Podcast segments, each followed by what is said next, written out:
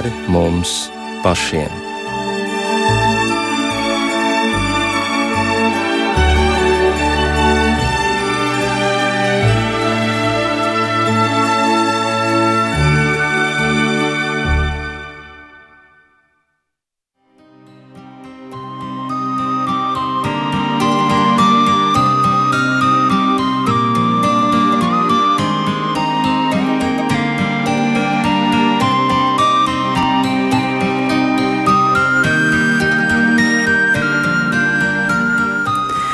Šī pasaule ir kā tāds neizmērojams un daudzveidīgs, gaišs un tumšs, viegls un grūts klēpis, kurā norisinās cilvēka radīšana un pilnveidošana caur prieku un caur grūtībām.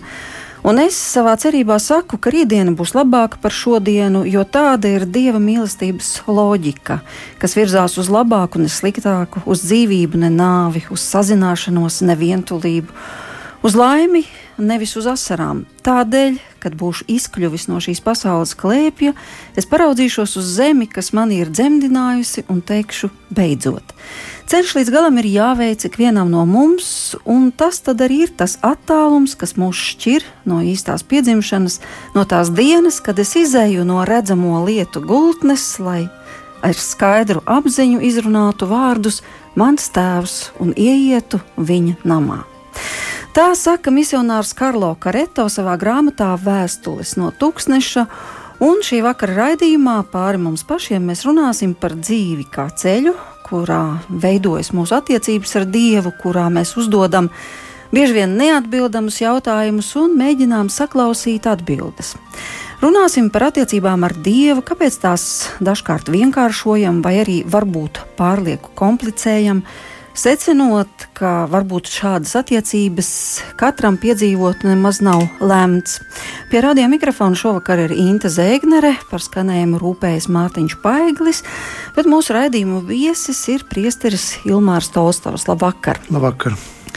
Un pirms šīs tikšanās es tā domāju, kāda tad ir priestera dzīve un kāda ir šī pieredze, jo jūs taču pieredzat pilnu spektru bieži vien pat vienā dienā - kristības, kāzas, bēres, grēku sūdzes, atgriešanās, dieva klātbūtne liturģijā, milzīgs noslēpums. Jūs to visu redzat, skatāt tādā kopumā. Es domāju, nes ko jūs domājat par mūsu dzīvi šādā amplitūdā. Jā, tā ir jau kādreiz, kad gatavojos kļūt par priesteri, domāju, nu, kāda būs tā priestera dzīve, bet var teikt, ka viņa ir ļoti interesanta. Nu, kaut vai šodienas griezumā bija divi dievkalpojumi, tur nokristīja divus eh, brīnišķīgus eh, bērniņus, puisīšus, un arī pēc tam bija pie kādas sievietes uz slimības gultas, pēc tam arī pasvētīja vienu māju, un eh, tagad esmu šeit. Tā tas notiek katru dienu, un ir brīži, kad tiešām notiek, ka vienā sestdienā varbūt gan bērniņa kristības, gan arī kāda cilvēka izvadīšana pēc laulības, un tas viss ir pilnīgi tādā koncentrētā veidā, un tu jūti, ka nu jā, ir iespēja būt klāt cilvēku dzīves. Nu, katra cilvēka dzīves tajos eksistenciālajos mirkļos, un tas parāda to, ka nu, ir iespēja redzēt to visu to gamu, gan priekus, gan bēdas, un sekot līdzi, iet e, kopā ar cilvēkiem, uh, lai palīdzētu viņiem arī tajās grūtajās, nu, gan priecīgais, gan bēdīgos dzīves brīžos, tajos tādos robežu mirkļos eh, piedzīvot Dieva klātbūtni.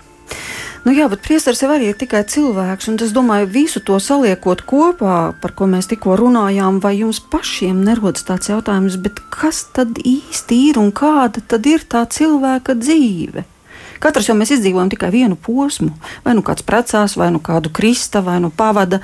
Tas ir viens posms, bet jūs to visu redzat kopumā. Un tad tas jautājums vēl aktuālāks, manuprāt, kļūst. Nu, tas, ko es, tagad sapra, nu, ko es tagad saprotu, jau gandrīz 15 gadus esot eh, priesterībā, ka katram cilvēkam ir sava misija, ka neviens cilvēks šajā pasaulē nenāk tāpat vien. Ka, ja cilvēks ir piedzimis, ja viņš ir ienācis šajā pasaulē, tad Dievs viņam dod savu aicinājumu, savu talantu, savu misiju. Un, un arī bieži vien piedzīvojot, kad eh, nu, no šīs dzīves aiziet eh, arī jauni cilvēki, ko arī nākas pieredzēt. Dažreiz ir šis sāpīgais jautājums, nu kāpēc? Kāpēc tik jauns, bet no otras puses var jau būt, ka šis cilvēks savu misiju šīs zemes dzīvē ir izpildījis. To mēs nezinām, to ir ļoti grūti atbildēt. Un un piederīgiem šādi vārdi arī nav eh, mierinājums, jo viņiem tik un tā paliek sāpes un šis jautājums, kāpēc. Bet tomēr, eh, esot šajā, var teikt, daudzu notikumu virpulī un, un eh, esot klāt cilvēkiem dažādos dzīves brīžos, tomēr nākas secināt, ka tās lietas notiek ar dievu vadību un ka ir klātesošs dieva plāns šo cilvēku dzīvēm. Jo, jo vairāk es ar to esmu saskāries, jo ir vairāk šī tāda apziņa, iekšā izjūta, un arī to jau arī saka Dievvvārds. Tā kā to es arī to, kas rakstīts Dievvvārdā, eh, ko māca mūsu ticība, to es arī pie, piedzīvoju dzīvē un redzu, jā, ka nav nejaušība, nav nejauša satikšanos, nav eh, nejaušu mirkļu, un īpaši to var piedzīvot arī, kad braucu pie slimnieka, kad eh, iznāk tā, ka Eh, viss tā izkārtojas, ka es tur aizbraucu, un tie paši radinieki brīnās, nu kā tas tā sanāca, ka priesteris paspēja, aizbrauca, iedeva slimnieku sakramentu un cilvēks aizgāja. Un tu pēc tam tikai brīnīties, ka nu, tas nenotika no manas tādas lietu kārtošanas, bet tur ir pilnīgi sajūtama tāda pārdabiska iejaukšanās, ka es esmu bijis tieši tajā mirklī, tajā brīdī, tur tas viss tā ir sakārtojies, ka tas cilvēks saņems to Eh, pēdējos svētos slimnieku sakramentu un tādā veidā aizgājis no šīs pasaules izlīdz ar Dievu. Nu, tas ir tik uzkrītami, tik acīm redzami, ka es jau tur to vairs nevarētu saukt par sagadīšanos. Tur tiešām klātesoša šī tāda Dieva pārdabiska klātbūtne. Jā, bet tu sacīji, ka katrs cilvēks atnāk eh, uz šo pasauli ar savu misiju. Bet tas ir ļoti nopietns jautājums, ja mēs sāksim uzdot sev jautājumu, kāda ir mana misija?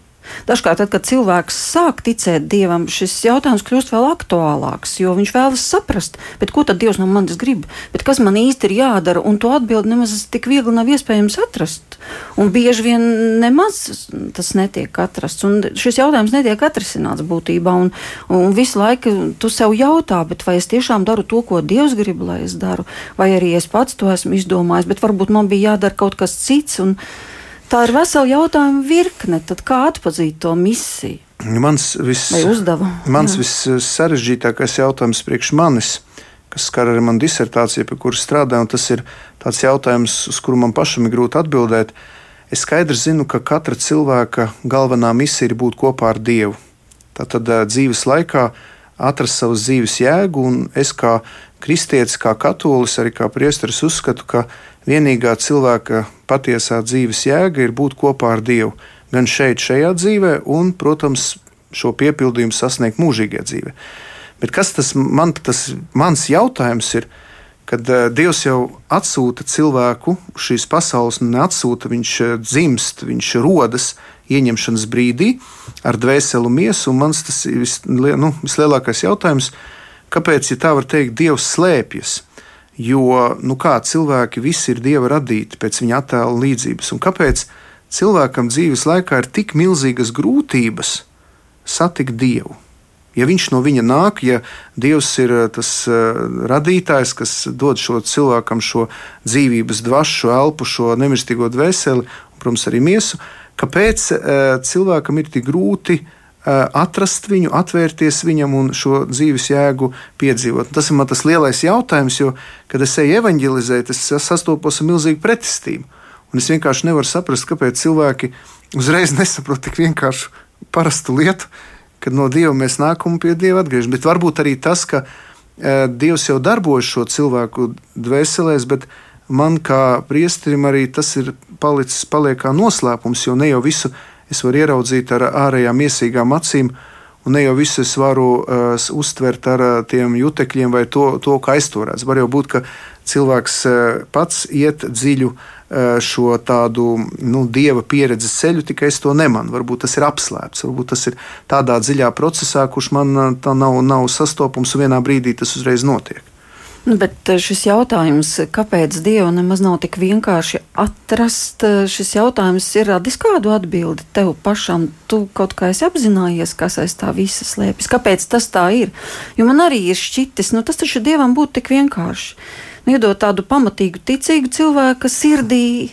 Un, un viss kārtībā. Nu, viņš var visu. Cilvē, cilvēka spējas ir ierobežotas. Tā tad viņam atlikt tikai Nu, man, viens... pirms dažām ne, nedēļām vai mēnešiem atnāca tāda pilnīgi jauna atziņa. Es nezinu, kur es viņu saņēmu, es nemāku pateikt, bet vienā brīdī man, es to esmu dalījies arī draudzē eh, sprediķī, ka man šķiet, ka Dievs ir tik ļoti delikāts un smalkjūtīgs. Un tā viņa mīlestība izpaužas tieši tajā, ka viņš nevēlas sevi un savu mīlestību uzspiest.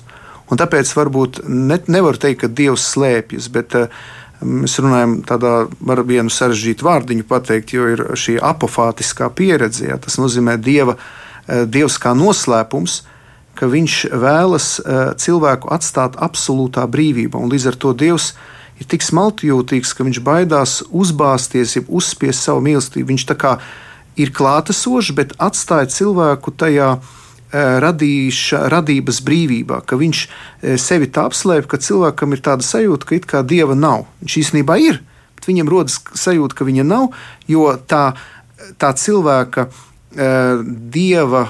Nu, tā apziņa par dieva nesamību man tā šķiet izriet tieši no tā, ka, ka Dievs tik ļoti respektē to cilvēka brīvību, neticēšanas brīvību. Ka viņš vienkārši gaida un ļoti delikāti e, dod tādus e, mīlestības pilnus impulsus cilvēkam, lai tikai nesanāk tā, ka Dievs sevi uzspiež un piespiež cilvēkam ticēt vai mīlēt viņu. Un man liekas, ka mums, man kā priesterim un arī baznīcai, ir ļoti jāmācās no paša Dieva šis viņa delikātums, šī viņa smalkjūtība, ko viņš izrāda pret cilvēku, nevēlēdamies sevi uzspiest. Viņš visu laiku gaida cilvēku atbildi. Ne par velti mums bieži vien ir jāatjauno savi kristības solījumi. Piemēram, Katoļu baznīcā mēs to darām lieldienu naktī. Jo mums visu laiku ir jāpasaka Dievam, jā, Dievs grib dzirdēt šo jā vārdu, jo Viņš negrib ienākt mūsu sirdī bez mūsu atļaujas. Viņam ir vajadzīga mūsu atļauja, šī mūsu piekrišana. Un tas mani pēdējā laikā tik ļoti fascinē, ka es vienkārši sēžu un par šo lietu visu laiku domāju. Jo es jau to nespēju, tāpēc ka es esmu bieži vien neteiksim, tā vardarbīgs, bet nu, tomēr es mēģinu uzspiest, mēģinu tur pārliecināt. pārliecināt. Dažreiz tas robežojas pat dažreiz ar demagoģiju, ja tu mēģini tādu mazliet veikt tādu kristietības propagandu, bet nu, tādā labā nozīmē, ka tu vēlies sludināt. Es domāju, kā šajā situācijā rīkotos Jēzus, kā viņš rīkotos. Nu jā, bet uh, vēl jau paiesim soli tālāk. Ir jau dažkārt arī kad cilvēks saka, nu, atklājies man, es gribu tevi sastapt, bet tas nenozīmē, ka tajā vakarā kaut kas notiek. Un tad vēl jau vairāk sāsinās šī sajūta, bet es taču saucu, bet es taču lūdzu, bet es taču domāju, ka viņš palīdzēs, bet nekas nenotika. Tad kāpēc lai es ticu? Man vienmēr nāk prātā izcilā filozofa Friedricha, Friedricha Nīčes vārdi: Dievs ir miris, bet jūs viņu esat nogalinājuši. Un vēl viena lieta, ar ko es ļoti domāju par to, ka bieži vien mēs gaidām uh, dieva sarunu uz mums, tā kā mēs to esam iztēlojušies. Mums visu laiku ir tā, tādi nepareizi, mazliet izkropļoti priekšstati par Dievu, kas balstās mūsu pieredzē no bērnības. Bieži vien mēs asociējam Dieva attēlu ar to, kādas mums bija attiecības ar mūsu vecākiem, īpaši ar tēvu tad mēs dzīvojam savā priekšstatu pasaulē. Un dažreiz mums šķiet, ka Dievs uh, klusē, viņš nerunā. Bet viņš īstenībā runā, Bet mēs gaidām nu, no cita telefona. Dievs zvana no viena, un mēs visu laiku ņemam to otru, kas klusē, un halo, halo, kāpēc neko nedzirdēt? Zvana tas cits. Jā. Es tā domāju, ka es nedomāju, ka Dievam negribētos ar mums runāt un negribētos ar mums komunicēt. Es saku, viens ir šis aspekts, ka viņš gaida mūsu piekrišanu, tāpēc ļoti svarīgi ir lūkšanā atstāt laiku klusumā, klusumu būt klusumā, lai, lai sadzirdētu, lai sāktu veidoties šis kontakts, varbūt pārstāt dažreiz mazliet runāt un pļāpāt un tikai dievam, kas saka, kā papagailis visu laiku atkārtot vienu to pašu. Bet e, te ir arī svarīgs šis moments, jā, kad mums, e, mums ir jā jāuztver tas, eh, tas tā kā FM frekvencēs. Radio arī raida noteiktās frekvencēs, un mēs sēžam mašīnā, gribam uztvert Latvijas radio viens un uh, 90,7 laikam. Ja? -huh. uh, ja kamēr tu uzgriez, ja? un tu kamēr neesi uzgriezis, ja tu neko tur sprakšķi, krakšķi, citas stācijas, ja kamēr tu uztver uz to īsto, ja Latvijas radio viens. Un tad tas arī līdzīgi arī tā, kā attiecībās ar Dievu, kad, kad var gadīties. Ir arī, protams, citi iemesli, kāpēc, kāpēc Dievs klusē vai nerunā. Tas, tas nenozīmē, ka tas ir vienīgais, bet viens no iemesliem var būt tā, ka mēs neesam vēl to īsto frekvenci uzgriezuši. Nu jā, bet gal galā nu, kā lai mēs šīs attiecības veidojam. Mēs neapšaubāmi ietveram savu attiecību pieredzi, kas balstās uz mūsu attiecībām ar cilvēkiem. Un tā tad līdzīgi kā mēs sacītu cilvēkam, tas nozīmē, mēs varam atļauties sacīt arī dievam. Tu taču redzi, kā man sāp, vai arī tu taču zini, cik man tas un tas vēl ir nepieciešams, vai arī kāpēc tu neatbildi un tā tālāk. Tas ir mūsu mod attiecību modelis, ko mēs pazīstam, vai ir iespējams arī kāds cits attiecību modelis? Es domāju, ka Dievs jebkurā gadījumā dzird katru mūsu lūgšanu.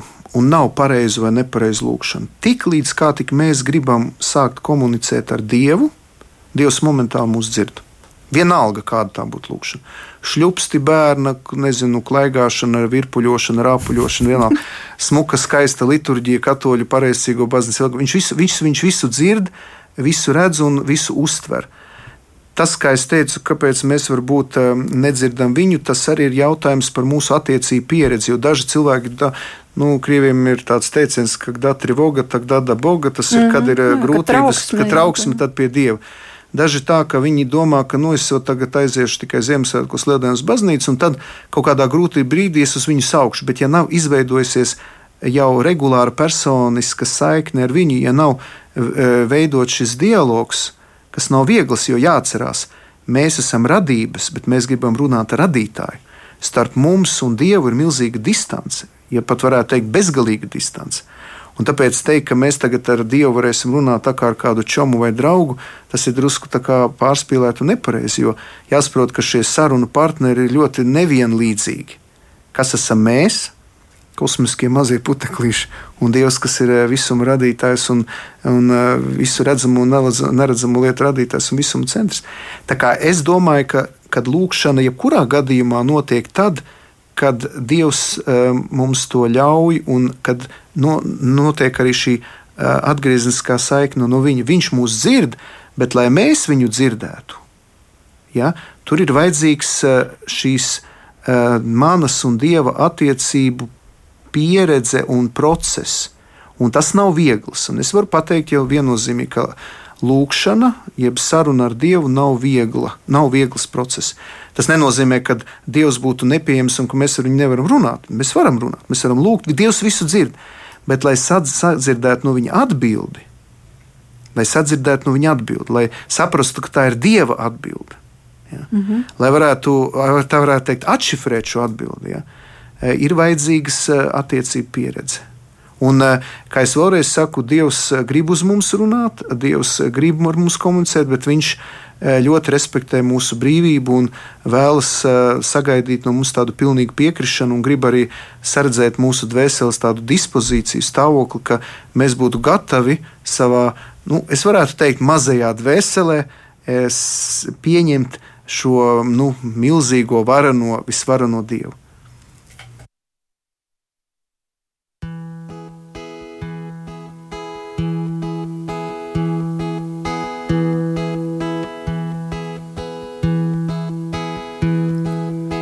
Bez lūkšanām tev klusi tuvojos. Jo to, ko vajag man, tu mūžam zini. No tavas gudrības es nevairos un pieņemu, ko tavā rokā vai mani pazemo vai paaugstini.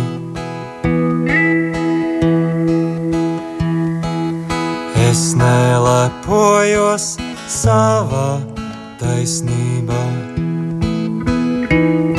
un vājībā vairs netiesāju sevi.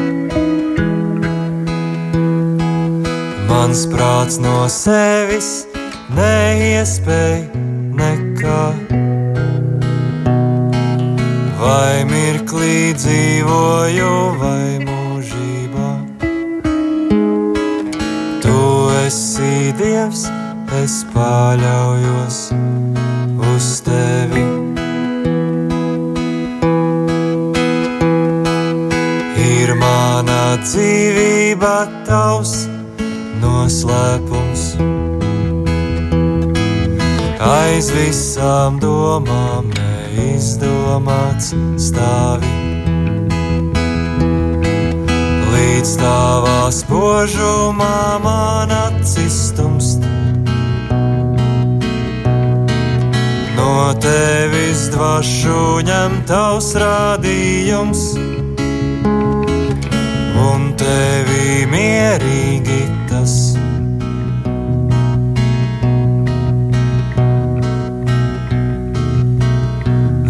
Atrod nāvi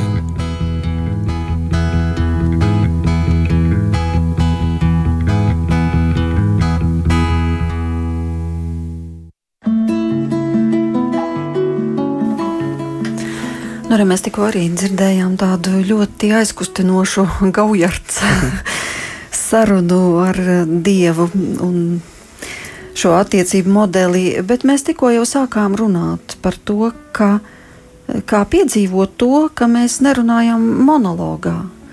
Jo tu sacīji, labi, Dievs ir delikāts, neuzbāzīgs un tā tālāk, bet ir nācies dzirdēt tieši šo aspektu, ka labi, labi mēs jau varam skaitīt tās lūkšanas, ņemt no lūkšanas grāmatas vai vienkārši saviem vārdiem kaut ko teikt un teikt un teikt, un tad tomēr rodās sajūta, ka tu runā pats ar sevi, jo nav šīs pārdabiskās pieredzes.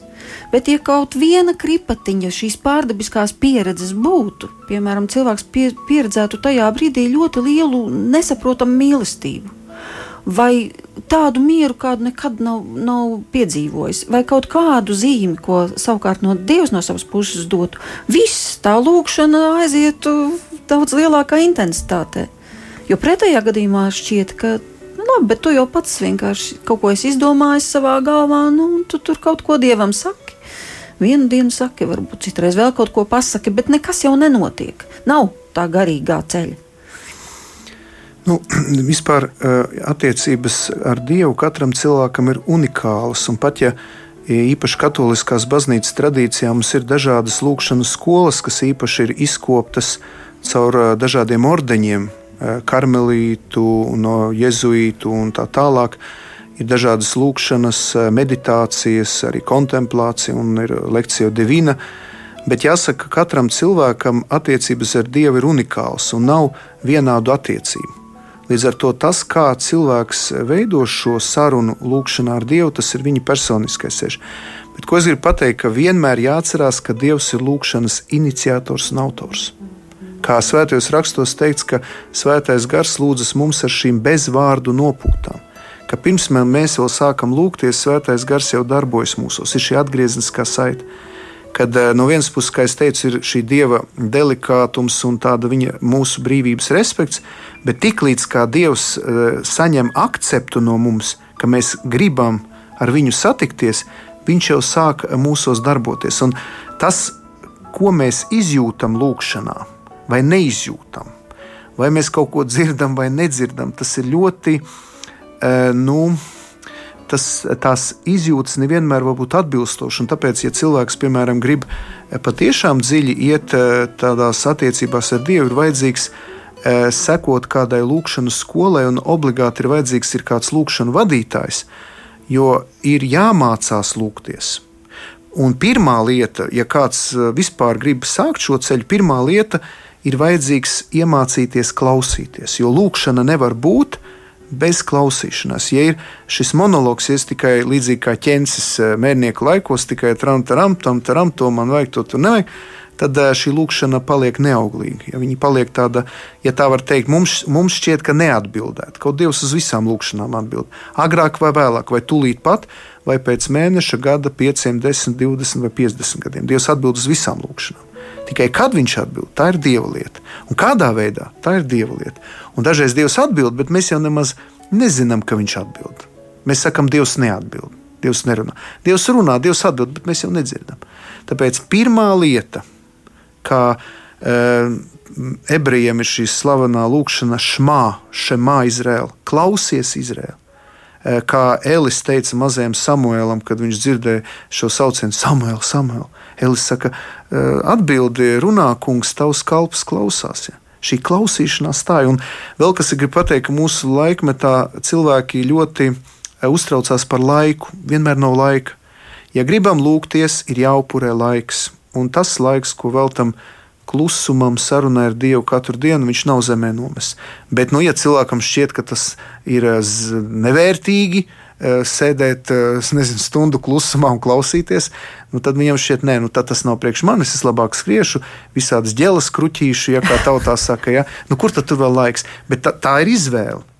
Un to nevar tā vienkārši. Tam, tas ir jāmācās. Tāpēc es domāju, arī mūsu īpaši katoļu draugiem ir jāpārstāj būt par tādām vietām, kur tikai notiek kaut kāda tikai nu, tāda aktivitāšu, bet svarīgi, lai mēs nepazaudējam. Mums jau ir šis lūkšanu gars, un ir ļoti daudzas draudzes, arī es varu teikt par salaspilsētu katoļu draugus, ka mums ir e, arī grupa cilvēku, kas nāk katru dienu un lūdzās, un ļoti agri atnāk pirms misijas, un arī pēc misijas paliek. Un var jūs, ka jā, šie cilvēki ir gados vecāki, bet es redzu, ka viņi neskrien pēc dievkalpojuma fiksi ieslēgt televizoru un skatīties skatīties kārtējo seriālu. Mīlis viesuli. Jā, bet viņi paliek baznīcā, tā, tā ir laba zīme. Ja, ja, ja mēs redzam, ka cilvēks paliek baznīcā un klusumā lūdz, tā ir laba zīme. Bet tā, tas nenotiek uzreiz. Tas, tā ir milzīga izvēle.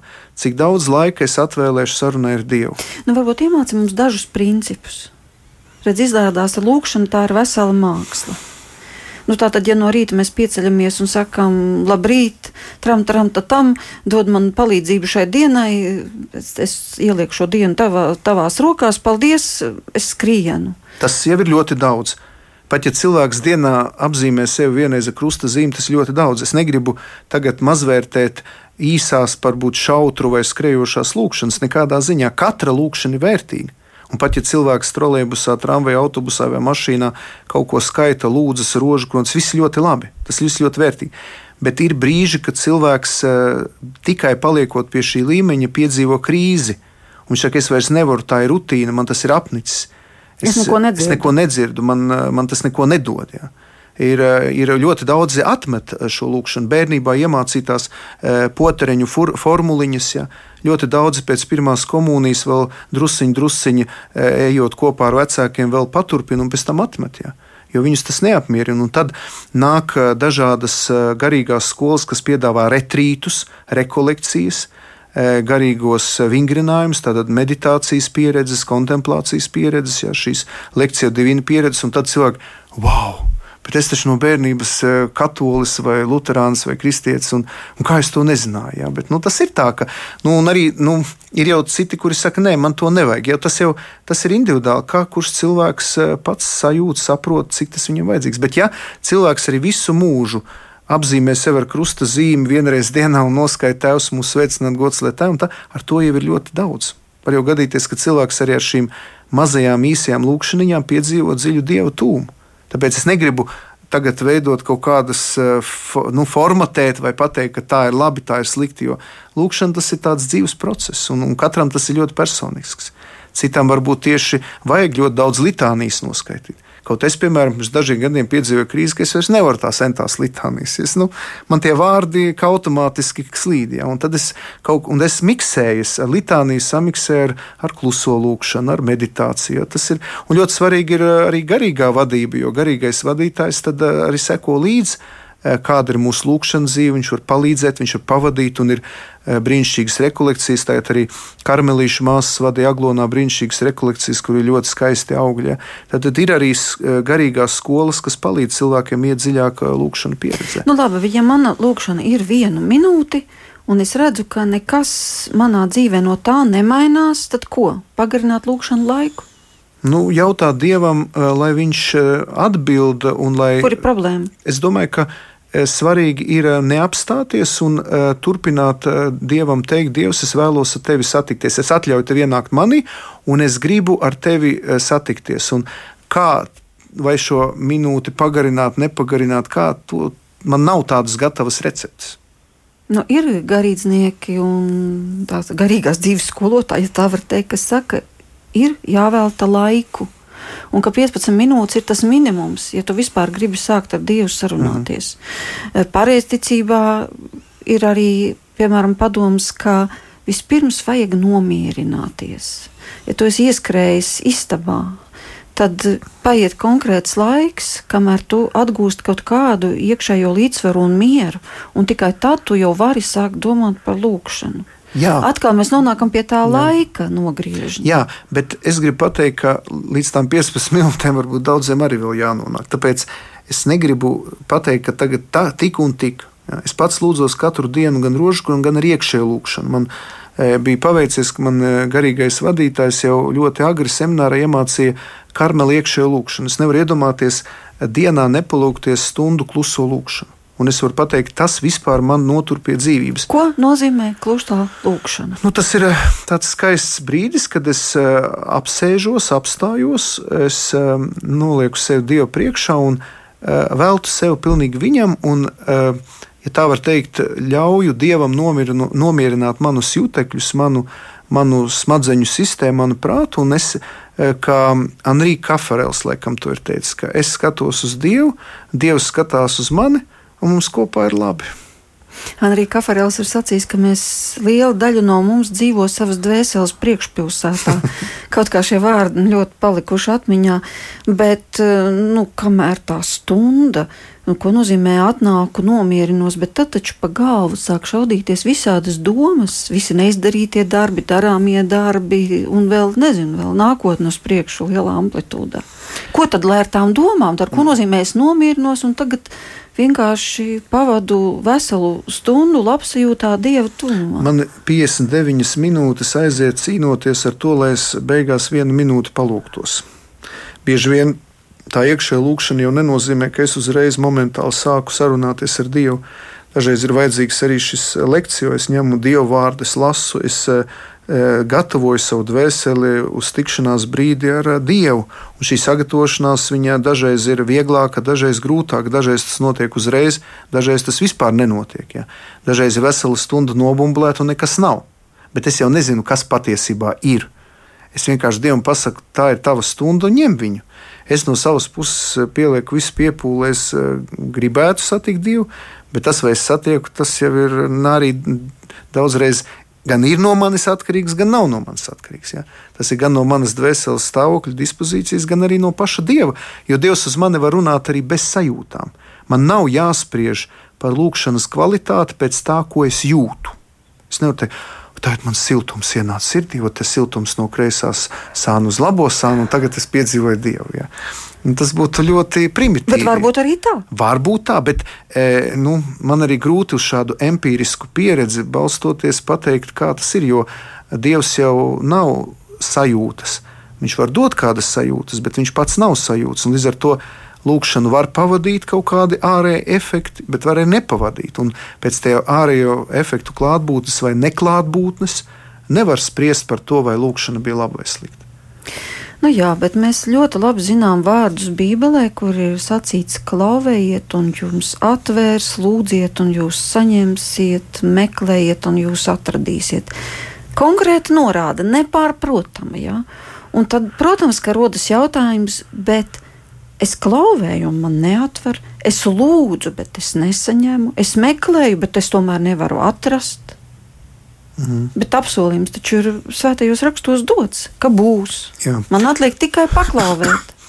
Arī viena tēma, ko es risinu savā disertācijā par, eh, es, bet es nelietošu daudz svešvārdus, par žēlstības un dabas eh, šķirst, šķirtību un, eh, varētu teikt, pat vienotību. Mēs dažreiz gribam no Dieva izlūkt kādas lietas, kuras Dievs ir uzticējis mūsu dabiskajiem spēkiem. Piemēram, Tas, piemēram, mēs Dievam lūdzam jaunu mašīnu, bet Viņš mums vēlas, lai mēs varbūt pamainītu darbu vai, vai sakrātu vairāk naudu, iz, neiz, neizlietot to naudu kādām citām lietām, tādā veidā to mašīnu paši nopirkt. Ja. Dievs vēlas iesaistīt mūsu dabiskās spējas, gan mūsu pašu uh, uzdevumu veikšanai, mūsu aicinājumu realizācijai, gan arī viņa gribas pildīšanai. Līdz ar to ir dar, ļoti jāuzmanās, ka mēs gaidi, domājam, ka Dievs mums no debesīm kaut ko metīs klēpī, nu tā pārdabiski. Tas pats jautājums par dziedināšanu. Cilvēki lūdz pēc dziedināšanas, bet Dievs ir devis e, gudrību un ir atklājis daudzas zinātniskas atklājumus ārstiem, un viņš dziedināšanu veic arī caur medicīnu. Līdz ar to mēs nedrīkstam lūdzot kaut kādu dievu, ignorēt dabu.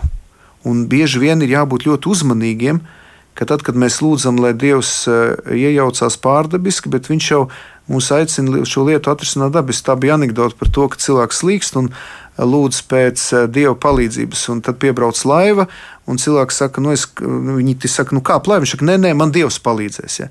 Un tad viņš beigās noslīkst, un Dievam prasa, kāpēc tu man nepalīdzēji, viņš saka, es tev sūtīju laivu, es tev sūtīju to, tu, tu to neizmantoji. Ja? cilvēks neredzēja, ka dieva palīdzība un atbilde nāk caur laicīgiem cilvēkam un laicīgām lietām. Bet tā var būt arī pārdabiska. Nu, tā ir jo pārdabiska. Notiek, jo notiek arī pārdabiskas dziedināšanas, un droši vien tu pats arī esi to piedzīvojis, un cilvēki par to ir liecinājuši. Tādu cilvēku ir daudz. Bet, jā. Dievs, bet jāsaprot, ka pārdabiskais ir klātesošs arī dabā. Ne par velti arī pats Dievs pieņēma, iemiesot, tātad vārds iemiesojās un pieņēma cilvēku miesu. Jēzus Kristus, patiesa Dievs un patiesa cilvēks. Tātad viņš nokāpa no saviem augstumiem, pieņēma cilvēka miesu, kļuva viens no mums un, mirstot pie krusta augšām, cēlēs mūs atpestīt. Tātad, izmantojot uh, dabu, izmantojot uh, nu, dabisku miesu, jā, nav nākot šeit uz zemes. Un bieži vien mēs ļoti gribam atdalīt šo dieva žēlstību, pārdabisko dievu iejaukšanos klātbūtni no dabiskā. Un manas arī disertācijas ir mēģinājums parādīt, ka nevienmēr tas tā ir, ka dieva žēlastība mēdz darboties arī caur dabiskiem līdzekļiem. Tikai mums to jāspēj saskatīt.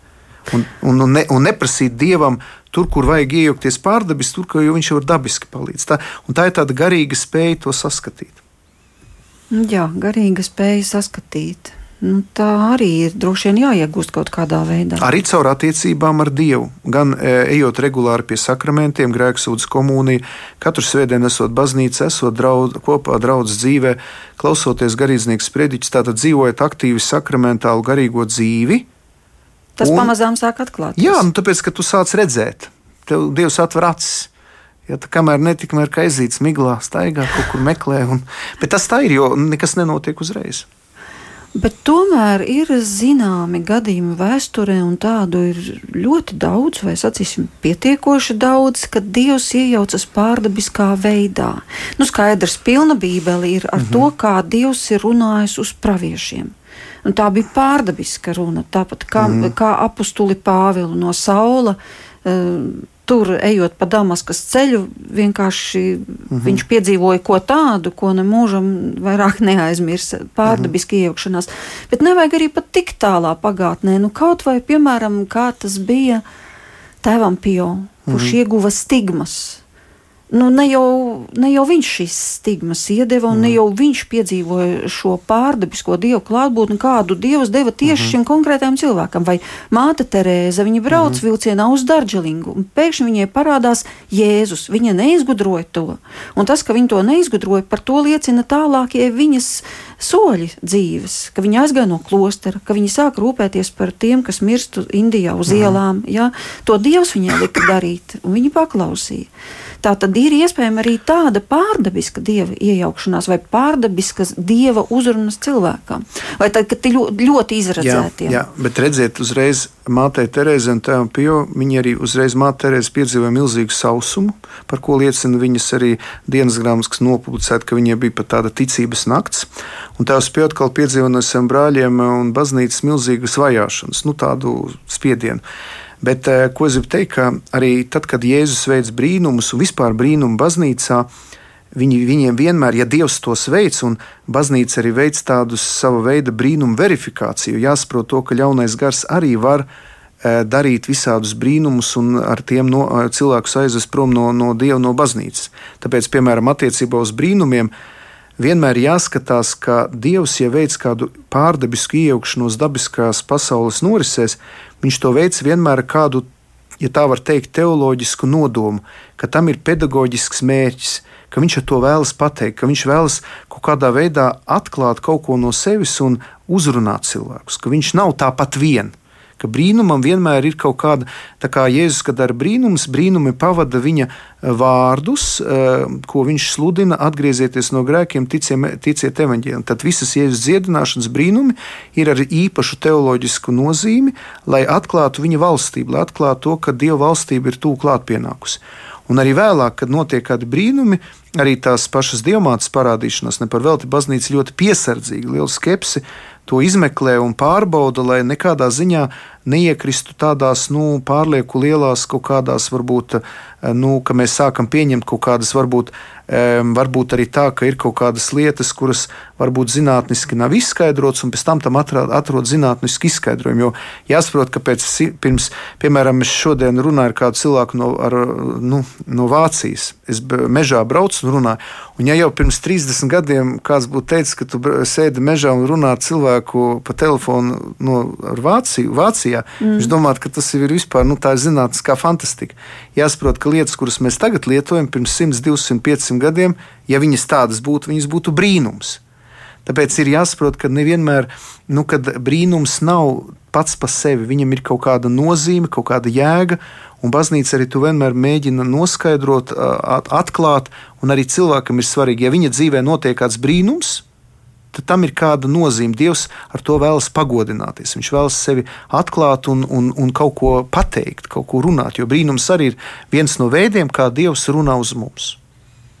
Tu arī piekristu tādai teorijai, ka, piemēram, ja cilvēks ir pārdabiskā veidā dziedināts, brīnumainā veidā mm. dziedināts, ka tā atlikušā dzīves daļa viņam ir bonus iedota, lai viņš kaut ko ļoti savā dzīvē mainītu, vai arī lai pilnībā savu dzīvi veltītu. Tas ir tā kā Jā, bet Dāvana. es, esmu, bet es esmu piedzīvojis arī tajā pašā onkoloģijas centrā kalpojot. Man bija tāds gadījums, kad sieviete tika pārdabiski dziedināta no vēža. Mēs par viņu lūdzām. Un es viņai lūdzu, lai viņa sakārto savu dzīvi, jo viņai nebija sakārtot laulību, viņa nebija ar garīgām lietām, viņa bija katolieta. Un viņa to teica, jā, jā, viņa izdarīs, un pēc gada viņa atgriezās slimnīcā atkal ar diagnozi, un viņa aizgāja mūžībā. Un es domāju, ka nu, viņi taču piedzīvoja, ārsti teica, ka viņi nevar izskaidrot, kā tas var būt, kad vēža vienkārši nav. Viņi pat neveic nekādas ne starošanas, ne ķīmijterapijas, nekā vienkārši vienā brīdī nav. Ja? Bet pat piedzīvojot šādu pārdabisku brīnumu, cilvēks eh, neatgriežas. Ja? Tas ir ļoti interesanti, ka, nu, piemēram, ja es pēkšņi, nezinu, baznīcā sāktu lidot trīs metrus virs zemes, saskriet visi žurnālisti, tas būtu visur avīzēs, portālos, pirmajās lapās. Ja? Nu, brīnums, ja. Bet ja es karātos tur gaisā jau 5, 6 mēnešus. Viņš teikt, nu, normāli viņš tur karājās. Nu, viņš tā, tāda viņam daba karāties. Ja. nu, ja. Tāpēc ar tiem brīnumiem ir tā, ka nu, arī mūsu ticība neveidojas no brīnumiem. Brīnums nav tas, kas veicina ticību. Ticība ir eh, dieva žēlastība. Ja. Brīnums, eh, ja dievs to veids, tad viņam ir kaut kāds speciāls eh, mērķis, kāpēc to darīt.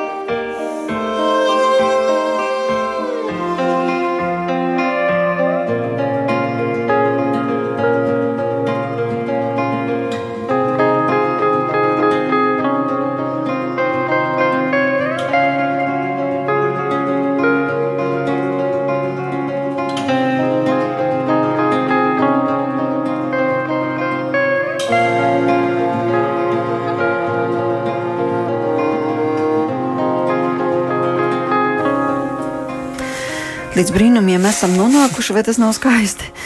Bet tomēr ir arī Bībelē vārdi, kas ir ļoti svarīgi vārdi, un ko Jēzus ir bieži vien teicis, arī tad, kad kādu ir dziedinājis, lai tev notiek pēc tavas ticības. Tava ticība tev ir palīdzējusi. Vai ja tev būtu ticība kā sinepju graudiņš, un tā tālāk, tālāk mēs zinām turpinājumu. Mm -hmm. Bet Marka evanģēlijā ir vēl kādi ļoti interesanti vārdi, varbūt kurus mēs nu, neizmā, neizmantojam pietiekamā mērā vai neesam sapratuši. Tur ir sacīts, ka tad, kad jūs debesu tēvam ko lūdzat, tad lūdziet tā, it kā tas jums jau būtu, un tad jums tas notiks. Un šie vārdi ir milzīgs noslēpums, bet manuprāt, tajos ir arī ārkārtīgi liels potenciāls, ko mēs nemākam nolasīt. Vai tad mēs lūdzam tā, it kā tas mums jau būtu, ja mums kaut ko vajag? Es... Bet, ja mēs spētu ar šādu sajūtu lūgt, ka mums tas jau ir, tad jau sanāk pat nevis lūgties, bet pateikties par to, ka mēs jau to esam saņēmuši, tad es domāju, ka daudz vairāk brīnumu notiktu. Nu, es domāju, jā, jo uh, ticība ir tā, kura palīdz arī mums lūgties, jo ja mēs, jo mēs dziļāk ejam ticībā, um, dievam, un uh, jo mums ir dziļākas attiecības ar Dievu, jo mūsu dzīvē lūkšana jau vairs nav tikai kādu lietu prasīšana. Jo vēlreiz saku, cilvēks, kurš iet dziļāk ticībā, viņš saprot, ka Dievs jau par viņu rūpējās.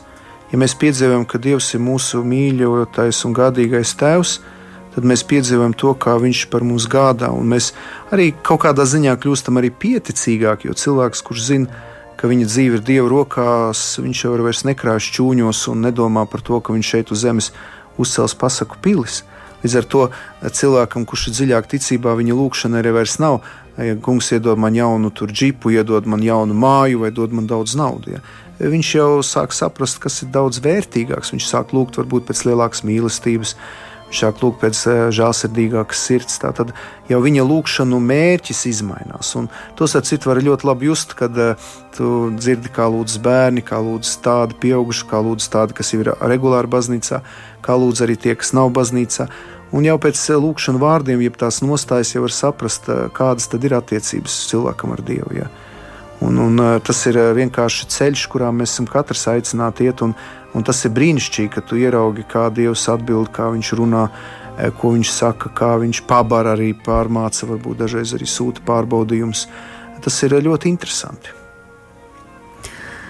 Nu, tu teici, tās lūkšanas var būt arī ļoti dažādas, un kā pēc žēlsirdīgākas sirds un pēc lielākas mīlestības, tās būtu tās pareizās lūkšanas nu, ja Bībelē ir rakstīts, ka Dievs ir mīlestība, tad jau tas būtu tas, pēc kā mums būtu jātiecas būtībā. Ir jau arī, kā, ja, ja es visu mantu atdotu nabagiem, un ja es uh, eņģeļu mēlēs lūgtu, tas vēl neko visu nedotu, ja man nebūtu mīlestības. Nu jā, jo mūsu kā kristiešu mērķis ir nodibināt ciešākas attiecības ar Dievu. Mēs gribam redzēt Dievu, ja mēs gribam viņu redzēt, mēs gribam būt viņa tūmā. Un mums, lūkšana tā ir vēlme pēc dieva tuvības, pēc attiecībām ar viņu, pēc dziļāka kontakta ar viņu. Un viss pārējais kļūst atšķirīgs. Un tādā gadījumā cilvēkam lūkšana vairs nav e, saistīta tik daudz ar materiālo pasauli. Kur jau viņam ir klātesoša, viņš strādā, viņš rūpējas, viņš redz, ka lietas notiek. Viņš redz, ka Dievs gādā, jā, mūsu dienascho maizi dod mums šodien, mēs taču sakām. Un tad cilvēks sāk, sāk redzēt, ka viņam dzimst eh, slāpes pēc dieva, viņš sāk ilgoties pēc dieva valstības, viņš lūdz pēc pavisam citām lietām, viņš lūdz arī pēc uh, savu draugu atgriešanās. Viņš sāk redzēt, ka uh, viņam tūmā ir cilvēki, kas uh, iet varbūt pazudināšanā, kam, kam nav šī mūžības perspektīva. Viņam izmainās apvārsnes, viņa lūkšana kļūst pavisam citādāk. Viņš, viņam mainās tie, tie dzīves svarīgākie akcenti Un eh, cilvēks sāk, eh, sāk eh, lūkšanā dievam nest arī, jā, arī Sīriju. Turciju, viņš sāk redzēt, kad ir Ukraiņas konflikts, viņš sāk lūgt par, par bērniem, kas Āfrikā ir nabadzībā, viņš sāk lūgt par ekoloģiju, par nabaga okeāniem, kas ir piepildīti ar plasmasu. Jā. Viņu tas sāk uztraukt. Jā. Un tas ir interesanti, ka no, no tā, ka viņš sāk, sāk lūgt sev džipu, mašīnu un vēl nezinu ko, viņš pēkšņi sāk lūgt par, jā, par, par, par, par tiem slimniekiem, par tiem, kas slimnīcā, kam ir onkoloģija, vēl kaut kā. Jā. Izmainās pilnīgi, pilnīgi cits saturs, un tas viss ir saistīts ar ticību ar attiecībām, ar šo personisko saikni ar Dievu. Citiem vārdiem sakot, viņš sāk vairāk ieraudzīt cilvēkus, kas ir apkārt. Jā. Tā tad mazāk tiesāt, acīm redzot. Un, un, un, un tā lūkšana arī kļūst mazāk koncentrēta no sevis. Viņa vairāk tas akcents tiek likts uz pašu Dievu. Kungs, es gribu tevi redzēt, es gribu būt kopā ar tevi. Jā. Es ilgojos pēc tevis. Jā, es dzīvoju šajā pasaulē, es strādāju, es raujos, es ņemos, es te visu daru, bet es gribu ar tevi satikties. Tātad mainās pilnīgi lūkšana. Bet tie, kuri sāk lūkšanu, kā bērni, kungs dod man konfektes, dod man eh, jaunu spēļu mašīnu, nu, kā bērnu lūdzu. Tā arī nav slikta lūkšana. Tā kā es negribētu teikt, ka tā ir slikta vai laba lūkšana, pilnīga vai nepilnīga. Tikai ir šis ceļš, kurā mēs ejam. Jā. No, no, ja tā var teikt, no primitīvas, ne no tādas vienkāršas, eh, varētu teikt, bērnišķīgas lūkšanas, mēs ejam dziļāk uz, uz jauniem apvāršņiem. Un tur nav robežu, tur nav uh, brīdis, kad mēs sakām, viss tagad es māku lūgties, tagad es zinu, kā lūgties. Jā. Mēs sākām šo raidījumu ar citātu no Karlo Kareto grāmatas Vēstules no Tuksneša. Un Karlo Kareto bija Šarla de Foucault skolnieks, un Šarls de Foucault um, gāja bojā mocekļa nāvē, tā mēs varam teikt spēcīgs lūkšana cilvēks, un arī drosmīgs un dedzīgs, un daudz no Dieva piedzīvojis. 19. gadsimts, laikam, tas mm. bija, kad viņš dzīvoja. Ja? Bet viņam ir kāda īpaša lūkšana, kuru es atļaušos nolasīt. Un varbūt pavisam īsu komentāru pie šīs lūkšanas tu varētu pateikt raidījuma noslēgumā. Un tā lūkšana ir tāda: Mans tēvs, es uzticos tev, dari ar mani, ko vien gribi, lai arī ko tu ar mani darītu, es pateicos tev, es esmu gatavs uz visu, es pieņemu visu, lai tikai tava griba piepildās manī un visās tavās radībās. Es nevēlos nekā cita, mans dievs, tavās rokās es ielieku savu dvēseli, es tev atdodu, mans dievs, ar visu savas sirds mīlestību, jo es tevi mīlu, un šī mīlestība mani mudina atdot sevi ielikt sevi tavās rokās bez atlikuma un ar bezgalīgu paļāvību, jo tu esi mans tēvs. Tā ir ļoti spēcīga lūkšana, bet varbūt arī diezgan bīstama, jo mēs baidamies uzticēties tik lielā mērā. Vai katrs šo lūkšanu var lasīt, vai katrs tā var teikt? Es šo lūkšanu lasīju garīgajā seminārā, katru dienu, un es kļuvu par priesteri. Es negribētu teikt, ka kļūt par priesteri tas ir kaut kas bailīgi bīstams, tas ir kaut kas ļoti skaists. Un noteikti lūdzieties, un uh, Dievs atbildēs. Tā ir ļoti skaista lūkšana, tā ir sevis atdošana Dieva gribai. Šāds Defuko bija īpašs cilvēks, un arī manā dzīvē viņš ir uh, svarīgs un daudz ko ir darījis. Paldies! Ar šo lūkšanu vārdiem mēs arī noslēgsim mūsu raidījumu. Paldies, saka priesterim Ilmāram Tolstavam par piedalīšanos. Kopā ar jums šovakar bija Inte Zēgnere, bet par skanējumu rūpējās Mārtiņš Paeglis.